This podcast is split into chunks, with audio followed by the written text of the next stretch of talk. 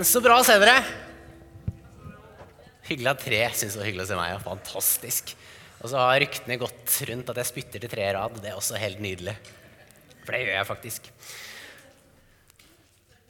Og akkurat nå så er vi inne i en taleserie som heter Lang lydighet, som er basert på 14 av salmene i Salmenes bok. Som var på en måte salmer, sanger, folk sang på vei opp til tre av de store festene i Israel. Se for deg jul, nyttårsaften og alt på en gang. Og så var det ikke bare at det skulle være feiring på julekvelden. Liksom. Det skulle være fest underveis. Og en av måtene de gjorde det her på, det var å synge disse sangene. Og den salmen jeg skal snakke om i dag, den er salme 129. Og når vi snakker om lang lydighet, så er det Du kan eh, gå tilbake til forrige bilde. Og når vi snakker om lang lydighet, så handler jo det først og fremst om Jeg synes Det er litt morsomt med det uttrykket, for det er egentlig to litt sånn negative ord. Synes jeg. Er dere ikke enig? Lydighet er litt sånn der åh, dette er enda en ting jeg må gjøre. liksom. Må være lydig. Og lang Jeg har aldri hørt noen beskrive noe som langt som noe positivt. Jeg så en skikkelig lang film i går, altså. Hvem er det som på en måte sier det? Eller Henrik talte lenge i dag, hvis noen spør deg på en måte om gudstjenesten her i dag. Hvis du på en måte beskriver noe som langt, så er det ofte litt sånn negativt lada. Og det er nettopp det jeg skal snakke om i dag. Den lange delen av lydighet. Utholdenhet. Og nå har jeg lyst til at dere skal snu dere til sidemannen eller sidekvinnen og snakke sånn om hva er det første dere tenker på når dere hører ordet utholdenhet. Det kan dere få lov til å gjøre nå.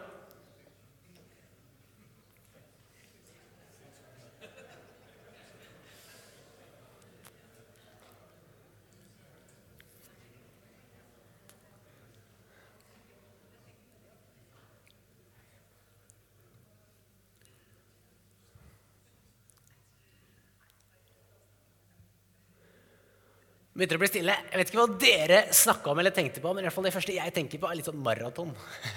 Eller litt sånn femmila på ski, eller et eller annet ting som krever veldig tålmodighet, og som egentlig er ganske kjedelig. Og jeg bodde med en tidligere eh, et par år, og han, er, han løper maraton i hvert fall én gang i året. Og det var liksom morsomt noen ganger når han eh, ja, Vi satt og spiste middag sammen en ettermiddag, og så sier han nei, jeg skal ta meg en eh, kort, rolig løpetur.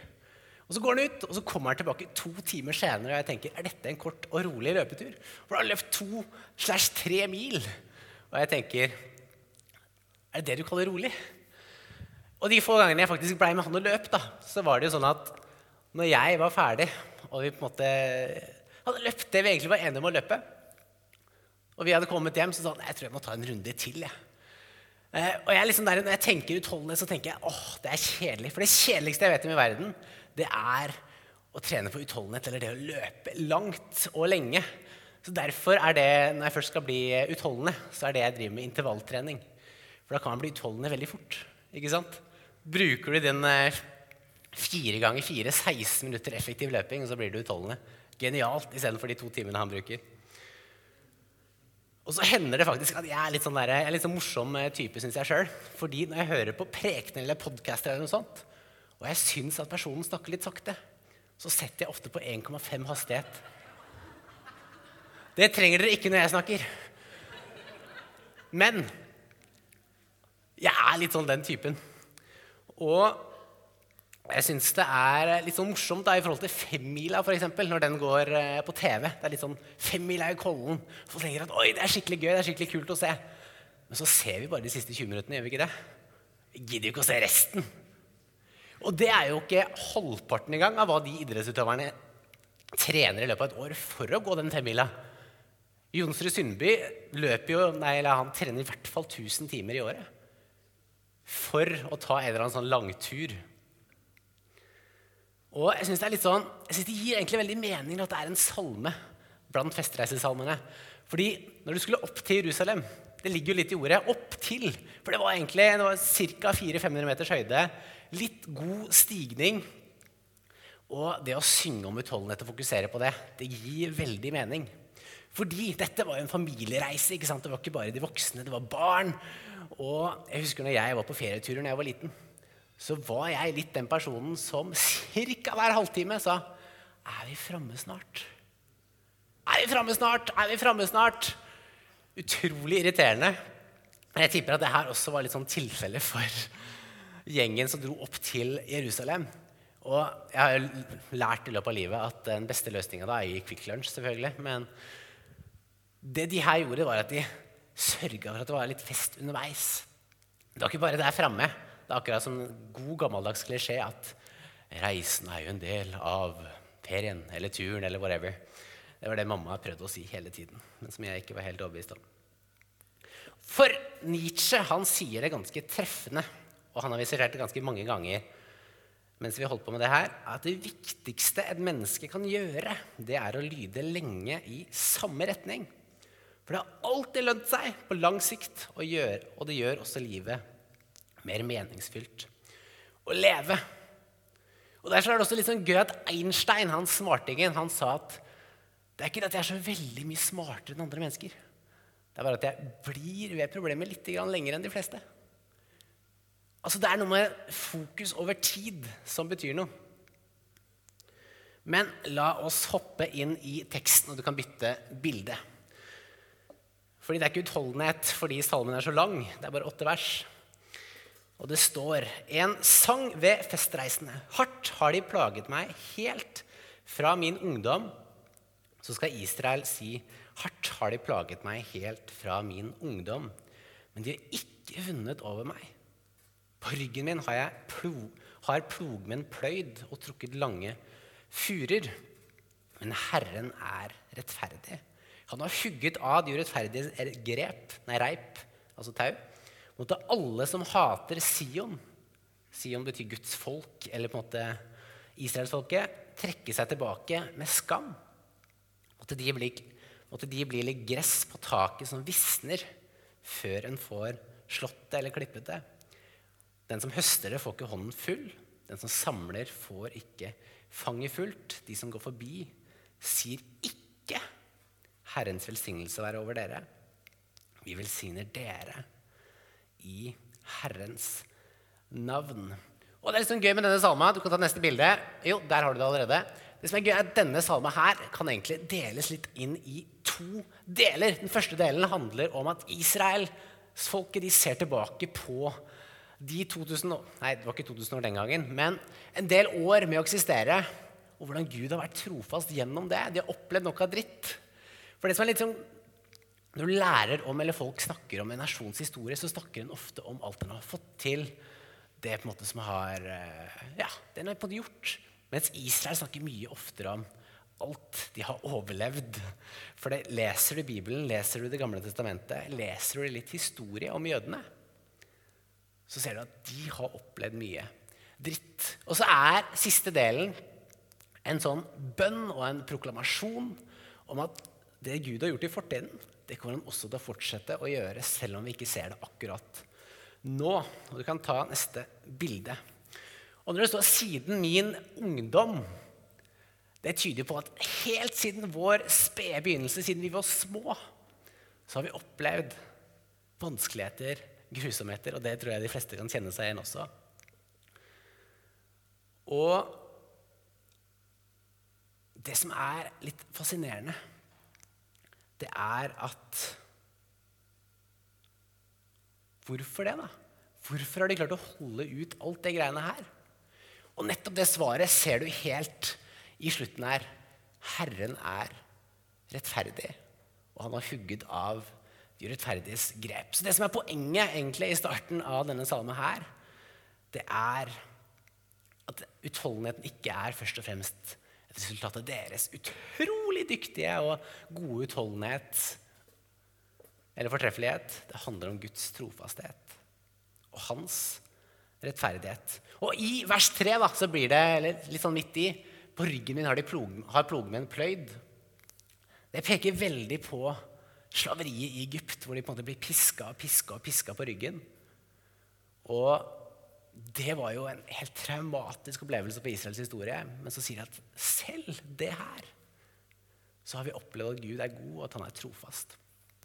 Og når jødene leser det her i dag, så tenker de ikke nødvendigvis bare på Egypt. De tenker fort på holocaust og på Auschwitz og de tinga der. Og spørsmålet de stiller seg, er er en måte, hvordan er det vi kan møte disse grusomhetene? Hvor er Gud, liksom? Og Jeg har vært på en del sånne Grillen kristner, som det heter. Og jeg er blitt grilla om troa mi. Vi hadde faktisk en på, på tirsdag her på Skien videregående. Og jeg har av og til fått det spørsmålet hvor i all verden var Gud i Auschwitz? Eller hvor i all verden var Gud hvis vi skal ta en norsk variant, hvor var Gud på Utøya, f.eks.? Det er et spørsmål som kan være litt sånn vanskelig. Oi, hva svarer vi på det, egentlig? Men så er det en messiansk jøde, altså en kristen jøde, som ble stilt akkurat det spørsmålet. Hvorfor var Gud i Auschwitz? Og så sier han det at vet du hva? Gud han var der, han. Han hang der på galgen. Så poenget hans var Gud er en gud som ikke bare ser på lidelse, men han er en del av det. Han lider sammen med oss. Vi som tror på Jesus, tror at Jesus leid og døde på et kors for våre synder. Men nå lider han altså sammen med oss. Og så liker jeg litt sånn det personlige språket her. da. Hardt har de plaget meg fra min ungdom. Så det er ikke bare Israel som et land eller som en nasjon. Det handler også om hver enkelt en som kan ha opplevd akkurat det her. Men så står det 'men'. De har ikke vunnet over meg. Jeg har holdt ut, for det er Gud som er rettferdig, og han har grepet inn. Og så er det Salme 103, en av de liksom mest kjente salmene i Bibelen, begynner med Lov Herren min sjel, og glem ikke alle hans velgjerninger. Og Det er den siste halvdelen av dette her handler om. Du kan bytte bilde. Fordi det er nok av grunner til å glemme det. Det er nok av utfordringer her og nå til å tenke at er kanskje greit at Gud har vært trofast før, men åssen er det nå? For det er nok av områder i livet hvor denne sannheten, da, at Gud er god, at han er rettferdig, at han er trofast, at det ikke virker så sant. Og Er ikke det ganske sånn gjenkjennelig for våre liv også? At man kan tenke at åh, jeg møtte Gud en gang for lenge siden. Men så møter du et eller annet kjipt eller tøft her og nå. Om det er sykdom eller vanskeligheter i familie eller whatever. Så blir spørsmålet åssen skal vi deale med det her nå? Og det kan være mye mer krevende. Og i hebreerbrevet så er dette her opplevelsen til kirka. Dette er en menighet som er lei og trett og sliten av å oppleve at Gud er fjern, at han ikke stiller opp, at han, hans godhet, hans trofasthet, ikke, så, ikke så, virker så sant lenger. Og det kan jo ligne veldig på vår kultur og sånn vi opplever det noen ganger. Og Derfor så sier en psykologiprosessor, ikke prosessor, men professor i Oslo, som heter Ole Jakob Madsen, han sier at den vestlige kulturen er på mange måter kan beskrives som en terapeutisk kultur. Og hva mener han med det? Jo, det, han mener at vi har psykologisert det aller meste, også når det kommer til tro, når det kommer til teologi, når det kommer til religion. Og så sier han at på mange måter så har egentlig Gud blitt en sånn kosmisk terapeut som alltid er ute etter å bare bekrefte mine behov og si hvor ålreit jeg er. Og Hvis det er gudsbildet vi har, da, så kan det bli utrolig krevende når vi opplever alt det her i den forrige salma. Og derfor så sier forfatteren av Hebreerbrevet Derfor, når vi har en så stor sky av vitner rundt oss, La oss legge av alt som tynger, og synden som så lett fanger oss inn. Og med utholdenhet fullføre det løpet som ligger foran oss, med blikket festet på Han som er troens opphavsmann og fullender, Jesus. For å få den gleden han hadde i vente, holdt han ut på korset uten å bry seg om skammen. Og når han satte seg på høyre side av Guds trone, ja, tenk på han som holdt ut en slik motstand fra syndere så dere ikke skal bli trette og motløse. For det å følge Jesus det handler om å vandre sammen med han på den veien som ligger foran oss. På tross av det vi ser rundt av sykdom, av utfordringer, av gleder osv. Vi kan få lov til å komme til Gud og være og vandre sammen med Gud hele den veien. For vi lever jo i en liksom tilstand av at det som noen teologer kaller 'allerede', men ikke helt ennå. Og hva betyr det? Jo, eksempel, når Jesus gikk rundt på jorda, så gikk han rundt og sa hele tiden at Guds rike er kommet nær. Altså, hva betyr det? Det betyr at litt av himmelen har kommet nær. For det Jesus gjorde, var at han helbreda syke, han møtte mennesker med kjærlighet. Han talte, forkynte om hvem Gud var. Og så Idet han gjorde det, så sa han at Guds rike er kommet nær. Puff. Han gjorde ikke nødvendigvis sånn poff. Men han lagde sånne små lommer av himmelen der han var. Det betydde jo ikke at hele himmelen, hele Guds rike, hele himmelens rike var kommet og manifestert på én plass. Men det var noen små glimt her noen små glimt der. Og litt sånn tror jeg Vi kan se våre liv, vi kan se områder av livet hvor vi hører historier om bønnesvar, hvor Gud har kommet inn og gjort et eller annet. Og så ser vi også områder av livet hvor dette ikke er helt sant ennå. Og På mandag så hørte jeg vitnesbyrd fra ungdom i oppdragbasen i Kiev i Ukraina. Og de har en tøff situasjon, for å si det mildt. Men så ser de samtidig Gud gjøre utrolig mye mirakler. De nevnte f.eks. at de deler ut mat til 150 mennesker hver dag. Men det er ikke nok mat, stort sett. Og Den ene dagen så hadde de kun 8 kilo makaroni til å mette 150 mennesker. Og Så koker de det opp, og så blir alle mette. Og De som kan litt matte, vet at 8 kilo makaroni til 150 personer er ca. 10 gram per person. Så de opplevde rett og slett et under. Men det betyr jo ikke at krigen er over, eller på en måte at det er himmel der. liksom. Men det er noen sånne små glimt av himmelen Derfor så sier vi ofte at Guds rike allerede, men ikke helt ennå. Men så kommer det en dag som Jesus har lova, hvor alle ting skal gjøres nye. Hvor det kommer en ny himmel, hvor det kommer en ny jord. Og Det er nettopp det den eh, som han skriver den salmen her minner oss om. Da, Guds rettferdighet den vil seire til slutt. For det står at de urettferdige blir som gress på taket. Du kan eh, bytte bilde nå. Og når jeg hører om gress på taket, så tenker jeg på litt sånn skikkelig sånn vakre hus. Litt sånn norsk nasjonalromantisk, sånn, ordentlig sånn hyttestemning. Litt sånn hjemmekoselig. Men det var ikke så hjemmekoselig i Israel for uh, eh, 3000 år siden. Taket var flate, og grunnen til at det begynte å vokse gress, var nettopp fordi det var en liten regnsesong i løpet av året hvor det kom masse masse regn, og ting begynte å vokse veldig fort. Men like fort som det kom, så bare begynte det å visne og bli ganske ekkelt og kjipt. Så Poenget til salmisten er jo på en måte at det kan jo se ut som at de som er ugudelige, de som ikke lever et uh, rettferdig liv Det kan se ut som de vokser, og det på en måte går veldig fint med dem. Men det bare ser sånn ut. Over tid så vil det visne og gå bort. På kort sikt kan det se veldig bra ut, men så blir det helt bortkasta når det visner. Og så lever vi jo i en litt sånn kultur hvor vi er veldig glad i litt sånn quick fix. Og vi til og med Når det kommer til tålmodighet, da, så er jeg litt sånn frista noen ganger til å be Gud Gud, kan ikke du gi meg tålmodighet nå? Det er nå jeg trenger det. og jeg bodde, jeg, bodde, i USA et år, og der har de jo Det har de i Norge òg, for så vidt. da. Du har jo et pulver for alt. ikke sant? Men det som kanskje sjokkerte meg aller mest, det var når jeg fant at de til og med har babypulver. Det var dagens dårlige pappavits. Vi tenker at quick er så bra. For det er jo sånn at, liksom som Truls nevnte forrige søndag også, at de viktige og fine tinga i livet de kan jo liksom ikke rushes. Du kan på en måte ikke sette på 1,5 hastighet på solnedgangen, liksom. Du kan ikke si en romantisk kveld med kona eller et eller annet sånt. Du kan ikke bare rushe gjennom den. Det er på en måte noe litt bedre, noe litt varmere enn det. Og jeg er veldig fan av å bake surdeigsbrød. Er det noen som kjenner til det konseptet? Det betyr å lage brød på en sånn dritlang måte.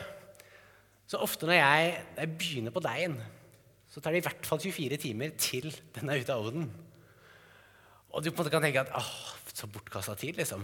Nei, nei, nei, det er det ikke. For når du spiser den, når du kjenner på sprøheten og luftigheten, så tenker du at det er verdt det. altså. For en del av de tinga i livet som er virkelig verdifulle, de tar litt lengre tid. Å være litt utholdende, rett og slett. Og hele denne salmen her, den slutter med en sånn kontrast mellom Guds velsignelse over Israels avling, altså det de fikk av jordbruk, i motsetning til det visne gresset. Ikke det visne gresset der, da, men et vistent gress som de ugudelige. Og så handler det ikke og så er det på en måte lett å tenke at utholdenhet handler om at vi skal få til så veldig mye sjøl. Litt sånn som med tro noen ganger. At vi tenker at åh, jeg må bare tro litt mer. jeg må bare tro litt mer. Men spørsmålet er om det hjelper. da. For hvis jeg lener meg til den her Samme hvor hardt jeg lener meg til den, så handler det ikke om hvordan jeg lener meg. Det handler om at den er solid. Og det at jeg tror på Jesus, handler ikke om at jeg tror så fantastisk mye. Men det handler om at han faktisk er solid. Så det er hvem jeg tror på, ikke hvor mye jeg tror nødvendigvis. Og så er det faktisk troen som bærer meg, ikke jeg som bærer troen. Og de versene her de vitner om en sånn tro og sikkerhet på Gud i møte med manglende opplevelser av det. For inspirasjonen den kan ta slutt.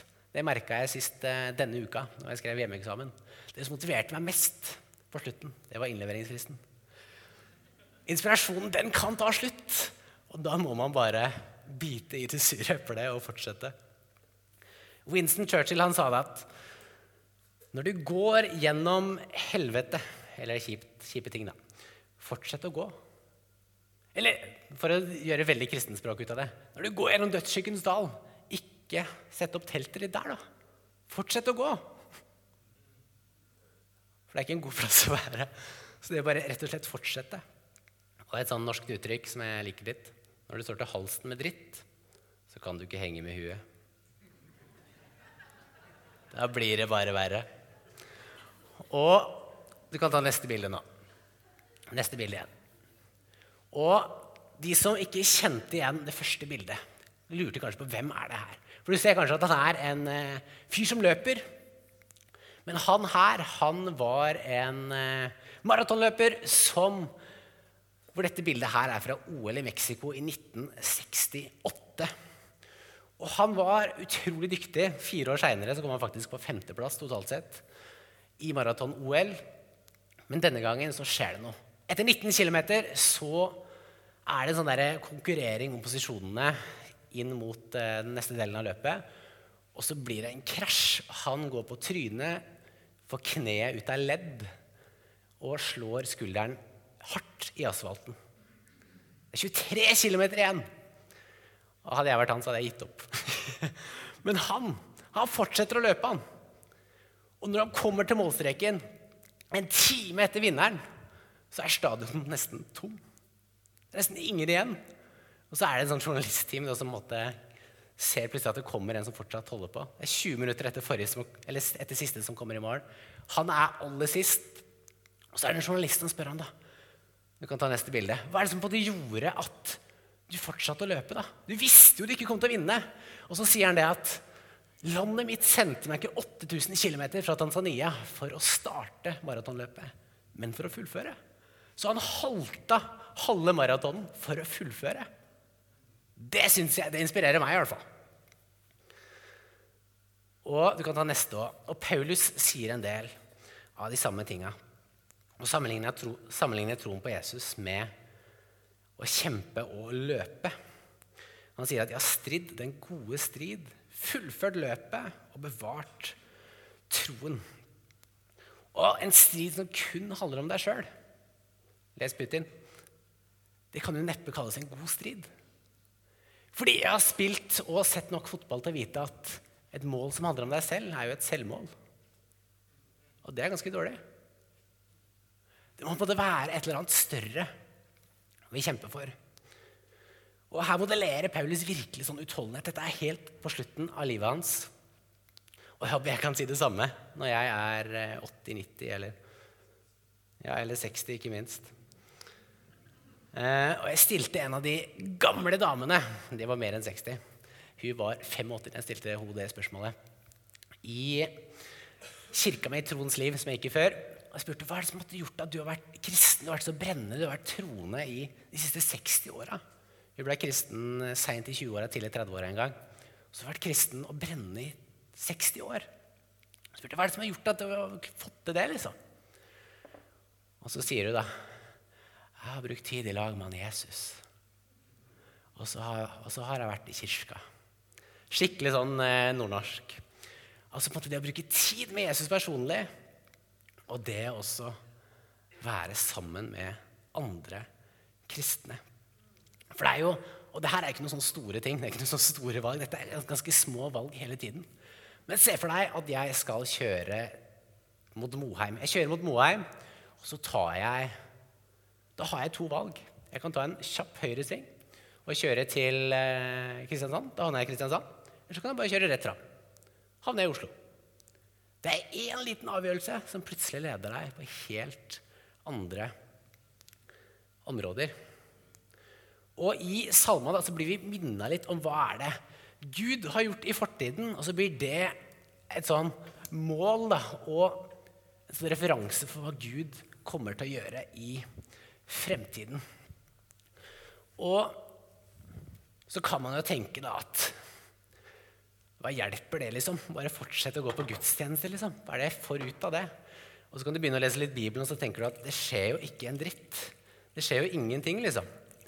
Men så er det på en måte ting du gjør over tid. Det former en, og det gjør noe annerledes. Nå kommer jeg til å ødelegge scenen for alle musikerne. Men poenget er at det som skjer over tid, da, det gjør at det som kanskje før definerte oss, det er det plutselig Gud som definerer. For han ønsker å fylle oss opp. Og Det som kanskje prøvde å dytte oss ned tidligere, det får jo ikke dytta oss ned. Det bare, går, bare detter ut igjen. Og nettopp det tror jeg Jesus gjør, da. Så la oss be sammen. Jesus, takk. Og lovsangstimen kan få lov til å komme opp samtidig. Jesus, takk for at du er her, at de får lov til å kjenne deg. De kan få lov til å være utholdende, ikke fordi vi er så utrolig utholdende eller flinke eller så fortreffelige, men fordi du er rettferdig, fordi du er god. Jesus, hjelp oss å huske på og minne oss på hva du har gjort tidligere, Jesus. Og så ber vi om at ditt rike skal komme, og din vilje skal skje her på jorden, her i livet våre, sånn som i himmelen, Jesus. I ditt navn, Jesus. Og så er det akkurat som jeg siterte helt, helt i stad, holdt jeg på å si, fra Hebreerne 12, 3, hvor de egentlig har lyst til å gi litt opp. Og så er spørsmålet hvis du har lyst til å gi opp, så er forfatteren av Hebreerbrevet sitt svar husk på Jesus Kristus. Tenk på han, se på han. Og det er hele forskjellen. Så er det også mulighet med forbønn der borte. Det kommer til å være en gjeng der borte hvis du har lyst til å bli bedt for. Det trenger ikke være noe stort. Det kan være utrolig lite. Det kan være velsignelse i hverdagen. Men la oss lovsynge sammen.